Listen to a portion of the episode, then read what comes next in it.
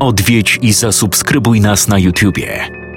Bądź na bieżąco z nowymi filmami i słuchaj jeszcze więcej mrocznych historii. Mystery TV Więcej niż strach.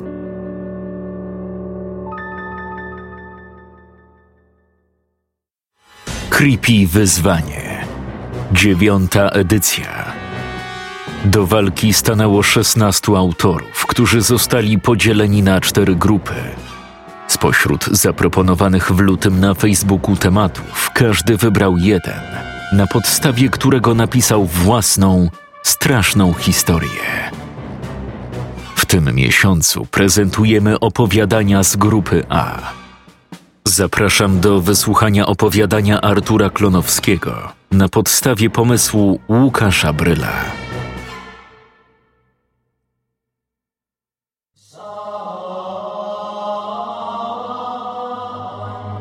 Dochodziła godzina dziewiąta rano. Za trzy minuty ksiądz Marek miał zająć swoje miejsce w konfesjonale, udzielając spowiedzi wszystkim chętnym wyznania swoich grzechów. Kościół znajdował się we wsi Wydminy w województwie warmińsko-mazurskim.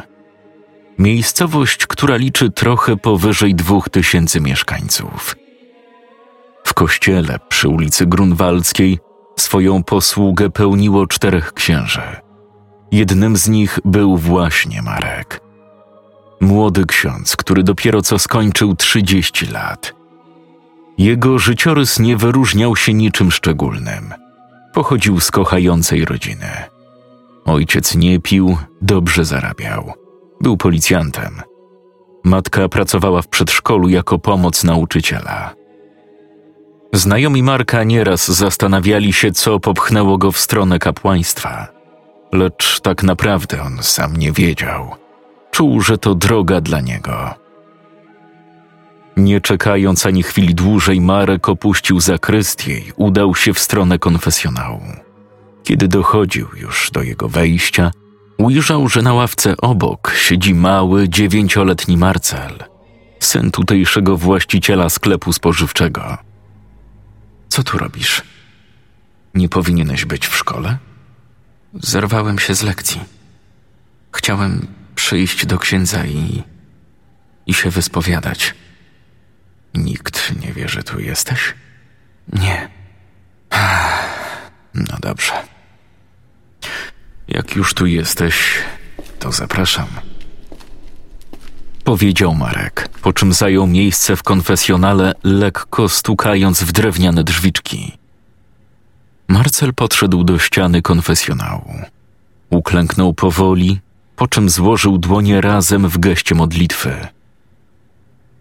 Ostatni raz spowiadałem się tydzień temu. Oto moje grzechy. Spowiedź nie trwała długo. W końcu jak poważne grzechy może mieć dziewięciolatek?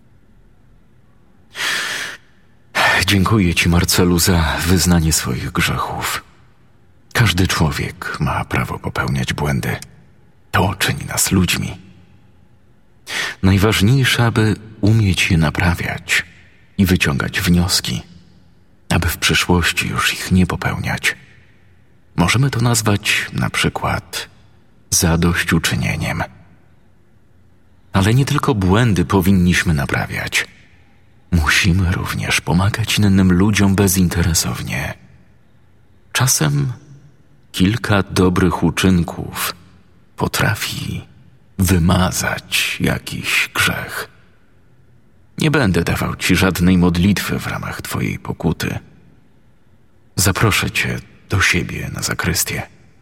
Pomożesz mi trochę posprzątać. To będzie twoja pokuta i zarazem bezinteresowna pomoc bliźniemu. Taki dobry uczynek. Marek wyszedł z konfesjonału. Spojrzał w swoją prawą stronę i wyciągnął dłoń w kierunku chłopaka. Marcel wstał i chwycił księdza swoją dłonią. Marek obrócił się i zaczął delikatnie ciągnąć Marcela za sobą w stronę zakrystii, delikatnie głaszcząc swoim kciukiem dłoń Marcela. Marek wiedział, co prawdopodobnie wydarzy się już niedługo. Był zadowolony. W końcu wszyscy myślą, że chłopak jest w szkole lub powinien tam być. Nikt raczej nie spodziewa się, że znajduje się aktualnie w kościele. Tak samo Marek w tym momencie udziela spowiedzi. To musi się udać tak jak kiedyś, wiele razy, z innymi dziećmi. Po kościele zaczął nieść się głuchy huk. O dach uderzały grube krople deszczu. Z sekundy na sekundę ulewa zaczęła przybierać na sile. Nie, to nie była ulewa. To niebo płakało, patrząc na to, co się dzieje na ziemi. Marek i Marcel stanęli przed masywnymi, drewnianymi drzwiami, które prowadziły na zakrystię. Ksiądz odwrócił się w stronę chłopca i uklęknął na jedno kolano. Wejdźmy tam razem i pomożesz mi z różnymi sprawami. Pamiętaj, że to twoja pokuta, więc musisz mnie słuchać. Dobrze. Marek zbliżył się do chłopca. Spojrzał mu głęboko w oczy, po czym lekko go przytulił. Głaskał Marcela po plecach. Jego ręce zaczęły zniżać się z wysokości łopatek, by po chwili znaleźć się na pośladkach chłopca.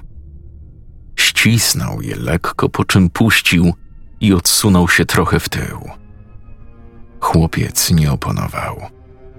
Musiało się udać.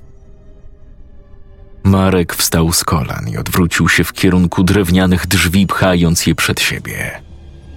Pociągnął Marcela za sobą w głąb pomieszczenia, by po chwili zniknąć wraz z chłopcem.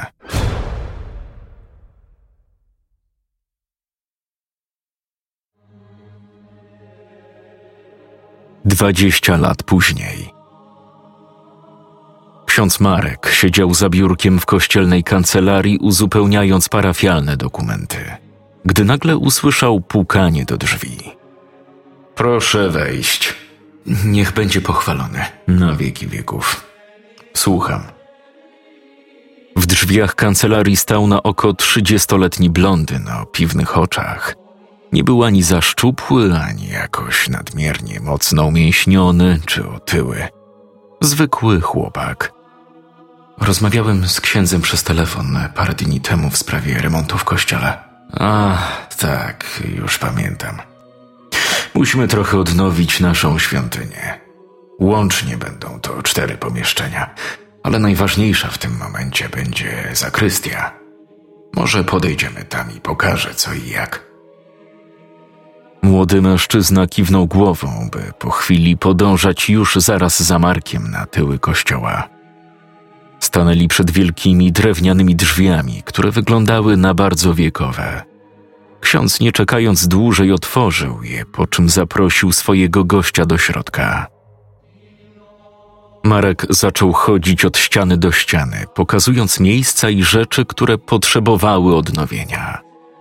Kiedy podszedł do okna, by pokazać pleśń, która zaczęła wlewać się pod uszczelką, niespodziewanie poczuł silne uderzenie z tyłu swojej głowy.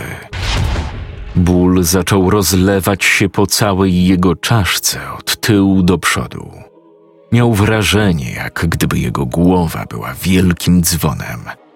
Po uderzeniu wszystko zaczęło rezonować wewnątrz jego czaszki. Usłyszał stłumiony pisk, który narastał z każdą chwilą. Zaczęło robić mu się ciemno i słabo. Osunął się na ziemię. Jego oczy zamknęły się samoistnie, by po chwili widzieć już tylko ciemność. Marek?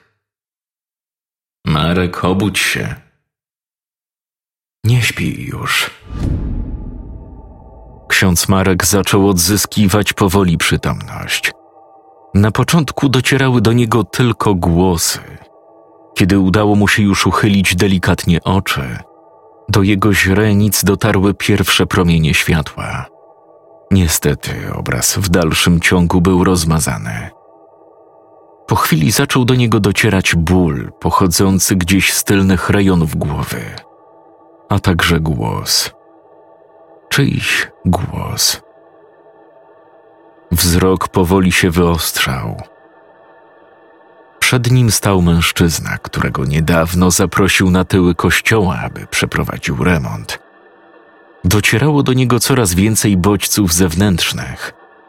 Wokół jego nadgarstków i kostek czuł ucisk. Był przywiązany do fotela, na którym siedział. Co się stało? spytał zdezorientowany Marek. Nieznajomy uśmiechnął się tylko, po czym zbliżył swoją twarz bliżej twarzy księdza. Nic nadzwyczajnego. Dostałeś po głowie. Inaczej nie zgodziłbyś się, aby przywiązać cię do fotela. Co? Dlaczego mi to zrobiłeś? Kim ty w ogóle jesteś i czego chcesz? Pieniędzy? Nie mam. W kościele też ich nie znajdziesz. Nieznajomy odsunął się lekko w tył. Usiadł na ziemi przed Markiem i patrzył tak na niego przez chwilę, uśmiechając się pod nosem, po czym zaczął mówić spokojnym głosem. Wiem, Marku, dobrze, kim jesteś. Mężczyzna po pięćdziesiątce.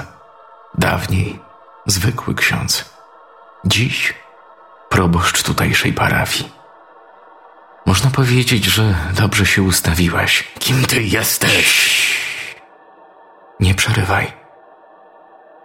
Pamiętasz, jak osiem lat temu przyszła do ciebie malutka dziewczynka o imieniu Wiktoria?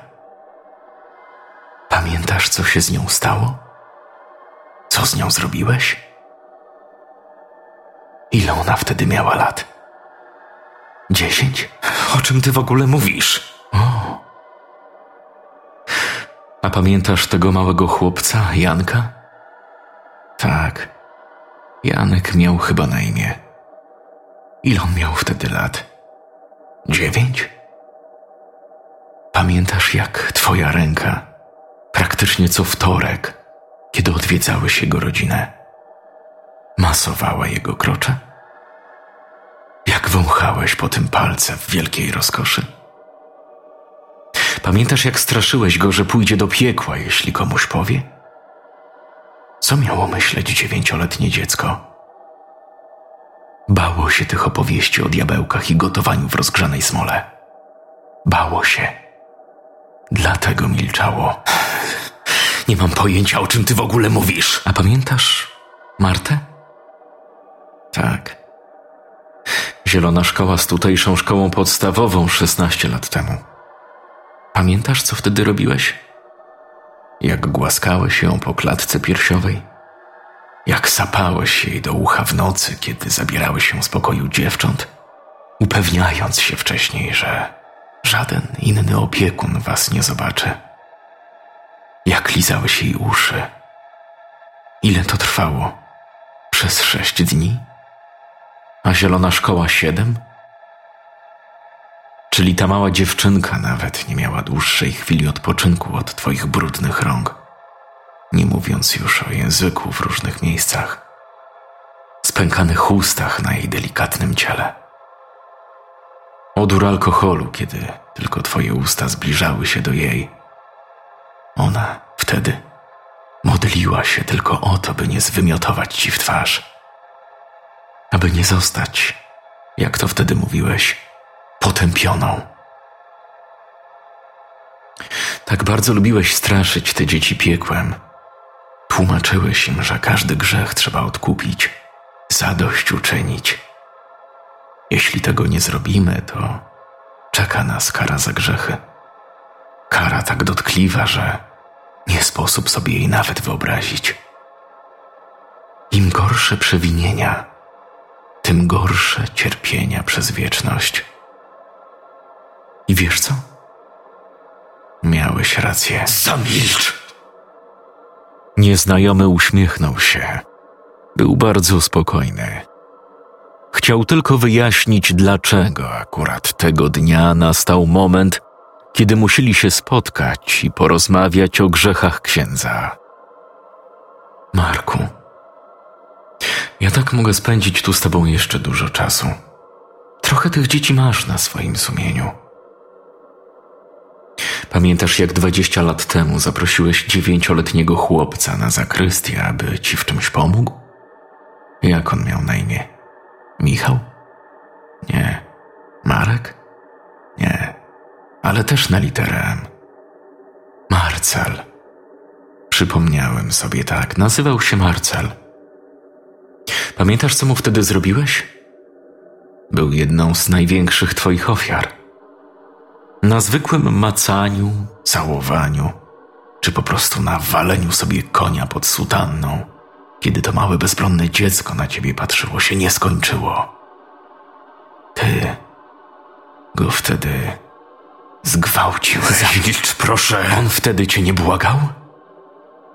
Prosił, abyś przestał, kiedy przycisnąłeś go do biurka i ściągnąłeś z niego spodnie i kazałeś mu się wypiąć. Jak on cię wtedy błagał? Razem z nim płakało całe niebo. Szarpał się. Pamiętasz, co zrobiłeś mu później? Uderzyłeś go w tył głowy ozdobnym świecznikiem, żeby się już nie wiercił i dał ci dojść w sobie. Stracił przytomność i zaczął krwawić z tyłu głowy. Powstała ogromna blizna. Tym momencie nieznajomy odwrócił się tyłem do przywiązanego Marka i pokazał tył głowy. Znajdowała się tam blizna na około 10 centymetrów. Tak. To ja byłem tym chłopcem. Chłopcem, który posłużył ci jako naczynie. Aby dać upust twoim rządzom, co ty chcesz zrobić? Marcel odwrócił się twarzą w stronę Marka, po czym delikatnie się uśmiechnął.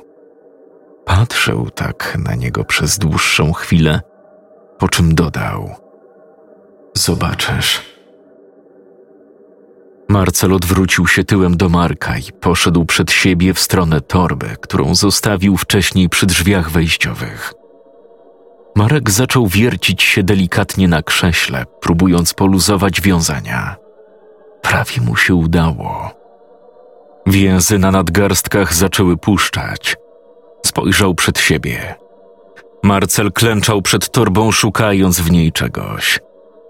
W końcu Markowi udało się uwolnić ręce.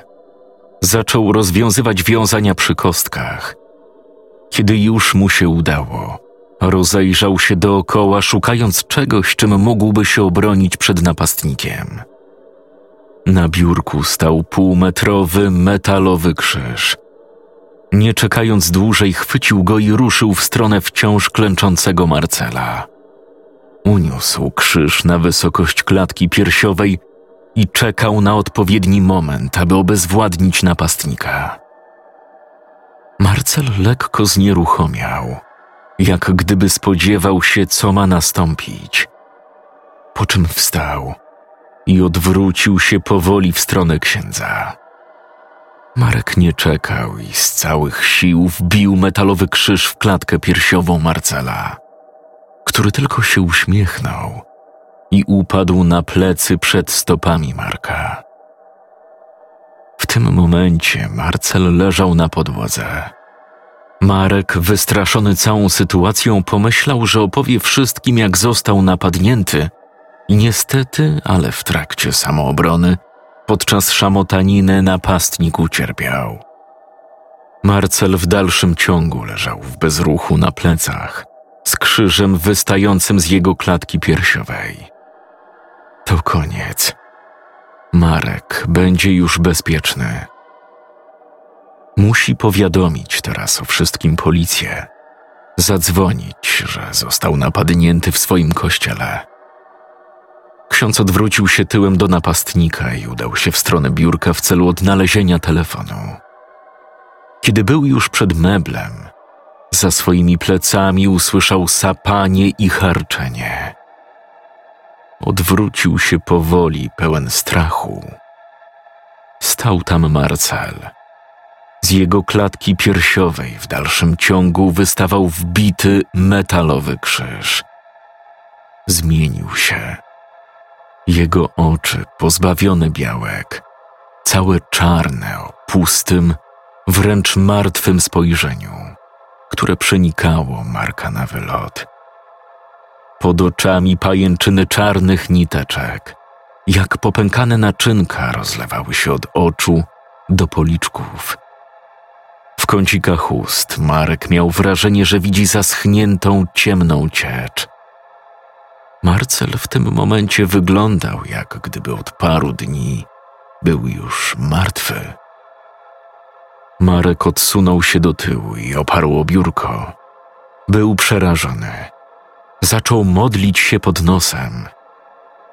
Marcel chwycił krzyż, który w dalszym ciągu sterczał mu z klatki piersiowej, po czym powolnym ruchem wyjął go z siebie i wycelował nim w księdza. Coś się stało? Nie chcesz się już ze mną bawić? No tak. Jestem już dla ciebie może za stary. Kim ty na Boga jesteś? Marcel w dalszym ciągu patrzył na niego swoimi pozbawionymi życia oczami, lekko się uśmiechając. Kiedy zrobiłeś mi to, co zrobiłeś, nie mogłem się pozbierać. Cały czas to czułem. Czułem ciebie, twój zapach czy dotyk. Cały czas mnie to bolało. Cały czas czułem wstręt i obrzydzenie do swojej osoby. Niedługo po tym postanowiłem się zabić. Marcel przechylił lekko głowę na bok, pokazując swoją szyję. Powiesiłem się.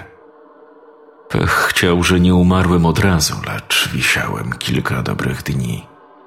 Musiałem źle zacisnąć pętlę na swojej szyi. Powstał jakiś pęcherz, przez który w dalszym ciągu mogłem oddychać. Nie wołałem jednak o pomoc. Chciałem umrzeć. Wyobraź sobie wisieć przez kilka dni bez jedzenia, bez picia, srając pod siebie. W nocy zamarzałem.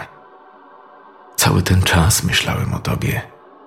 Myślałem o tym, co mówiłeś, co mi zrobiłeś. W końcu zmarłem z wycieńczenia, wisząc gdzieś w lesie. To była trudna śmierć. Najciekawsze jest to, że do dzisiaj nikt nie znalazł mojego ciała, ale ciało to tylko powłoka. Liczy się to, co jest w środku, a w moim środku była rozpacz i cierpienie. Szkoda było mi tylko ojca, że nie miał dane pochować syna. Ale cóż, tak to już bywa. Przez samobójstwo zostałem potępiony. Trafiłem do piekła, ale nie będę ci o nim opowiadał. Niedługo razem się tam znajdziemy. Ojcze niebieski, proszę, pomóż swojemu słudze. Zamilcz! Nikt ci nie pomoże. Sam zdecydowałeś o swoim losie już wiele lat temu. Przez cały ten czas, kiedy moja dusza znajdowała się w piekle, przechodziłem niewyobrażalne katusze. Błagałem, abym mógł wymierzyć karę tym, którzy mi to zrobili, i wiesz co? Nawet zło czasami jest łaskawe. W myśl tego, co zawsze powtarzałeś, kiedy gwałciłeś czy molestowałeś inne dzieci że za grzechy trzeba płacić. Inaczej przyjdzie kara, dużo bardziej dotkliwa. I oto jestem, ale nie sam. Popatrz tam. Tym momencie Marcel usunął się lekko na bok, ukazując jednocześnie ręką drzwi wejściowe na zakrystię. Wielkie, masywne drzwi zaczęły się wyginać, jak gdyby były zrobione z jakiejś lekkiej zasłony. Co chwilę to na górze, to na dole. To po lewej czy prawej odciskały się w nich dziecięce twarze czy ręce, próbujące dostać się do środka. To są dzieci, które tak jak ja nie mogły żyć z myślą, co im zrobiłeś nie mogły patrzeć na swoje odbicie w lustrze. Przez resztę swojego życia czuły się brudne i zhańbione. obdarte z dziecięcej niewinności. Czuły zapach twojego ciała, odór alkoholu i papierosów, który wydobywał się z twoich ust, kiedy je całowałeś albo lizałeś swoim obślizgłym językiem. Oczywiście nie wszystkie dzieci się zabiły. Niektóre do dziś próbują sobie poukładać życie, wracając do wspomnień z dzieciństwa, nie mogąc spać spokojnie w nocy, już jako dorośli ludzie, bojąc się każdego szelestu, każdego cienia. Drzwi otworzyły się na oścież. Z ciemności kościoła do zakrystii po kolei wchodziły dawne ofiary Marka. Najpierw w progu stanęła dziewczynka, której z nadgarstków kapała krew na podłogę. Zaczęła iść w jego stronę. Tuż za nią wszedł chłopczyk. Był cały siny i opuchnięty, mokry, a z ust wypływała mu zamulona woda. Był topielcem. Chwilę potem w środku zjawiła się inna dziewczynka z roztrzaskaną głową z tyłu. Prawdopodobnie zmarła od postrzału w głowę z broni rodzica. Dzieci zaczęły ustawiać się dookoła Marka, który był coraz bardziej przerażony. Po chwili do zakrystii wczołgał się chłopiec z powykręcanymi i połamanymi nogami. Z wystawały mu kości. Prawdopodobnie samobójca po skoku z wysokości. Ofiary pojawiały się jedna po drugiej. Po chwili było ich przynajmniej tuzin ustawionych w półkolu dookoła księdza. Dzieci, oto wasze zadośćuczynienie za wszystkie krzywdy, jakich doświadczyłyście rzuciły się na niego. Jedna dziewczynka wgryzła się swoimi ostrymi zębami w krocze Marka. Szarpnęła głowę do tyłu, odgryzając przyrodzenie mężczyzny. Natychmiast pojawiła się czerwona serpentyna mięsa i chrząstek wraz z konfetti stryskającej krwi. Dwóch chłopców wgryzało się i szarpało jego ręce dłonie, którymi to głaskał i dotykał w różne miejsca bezbronne dzieci. Jedna z dziewczynek zbliżyła swoją twarz do twarzy księdza. Złapała go rękami za policzki i popatrzyła mu głęboko w oczy, po czym wgryzła się w jego usta. Kiedy Marek był rozszarpywany kawałek po kawałku, kątem oka widział wychodzącego z zakrystii Marcela tuż przed wyjściem odwrócił się w jego stronę. Nie martw się. W piekle będzie tylko gorzej. Więcej dzieci chce z tobą porozmawiać. Będziemy tam już na ciebie czekać. Przed nami cała wieczność.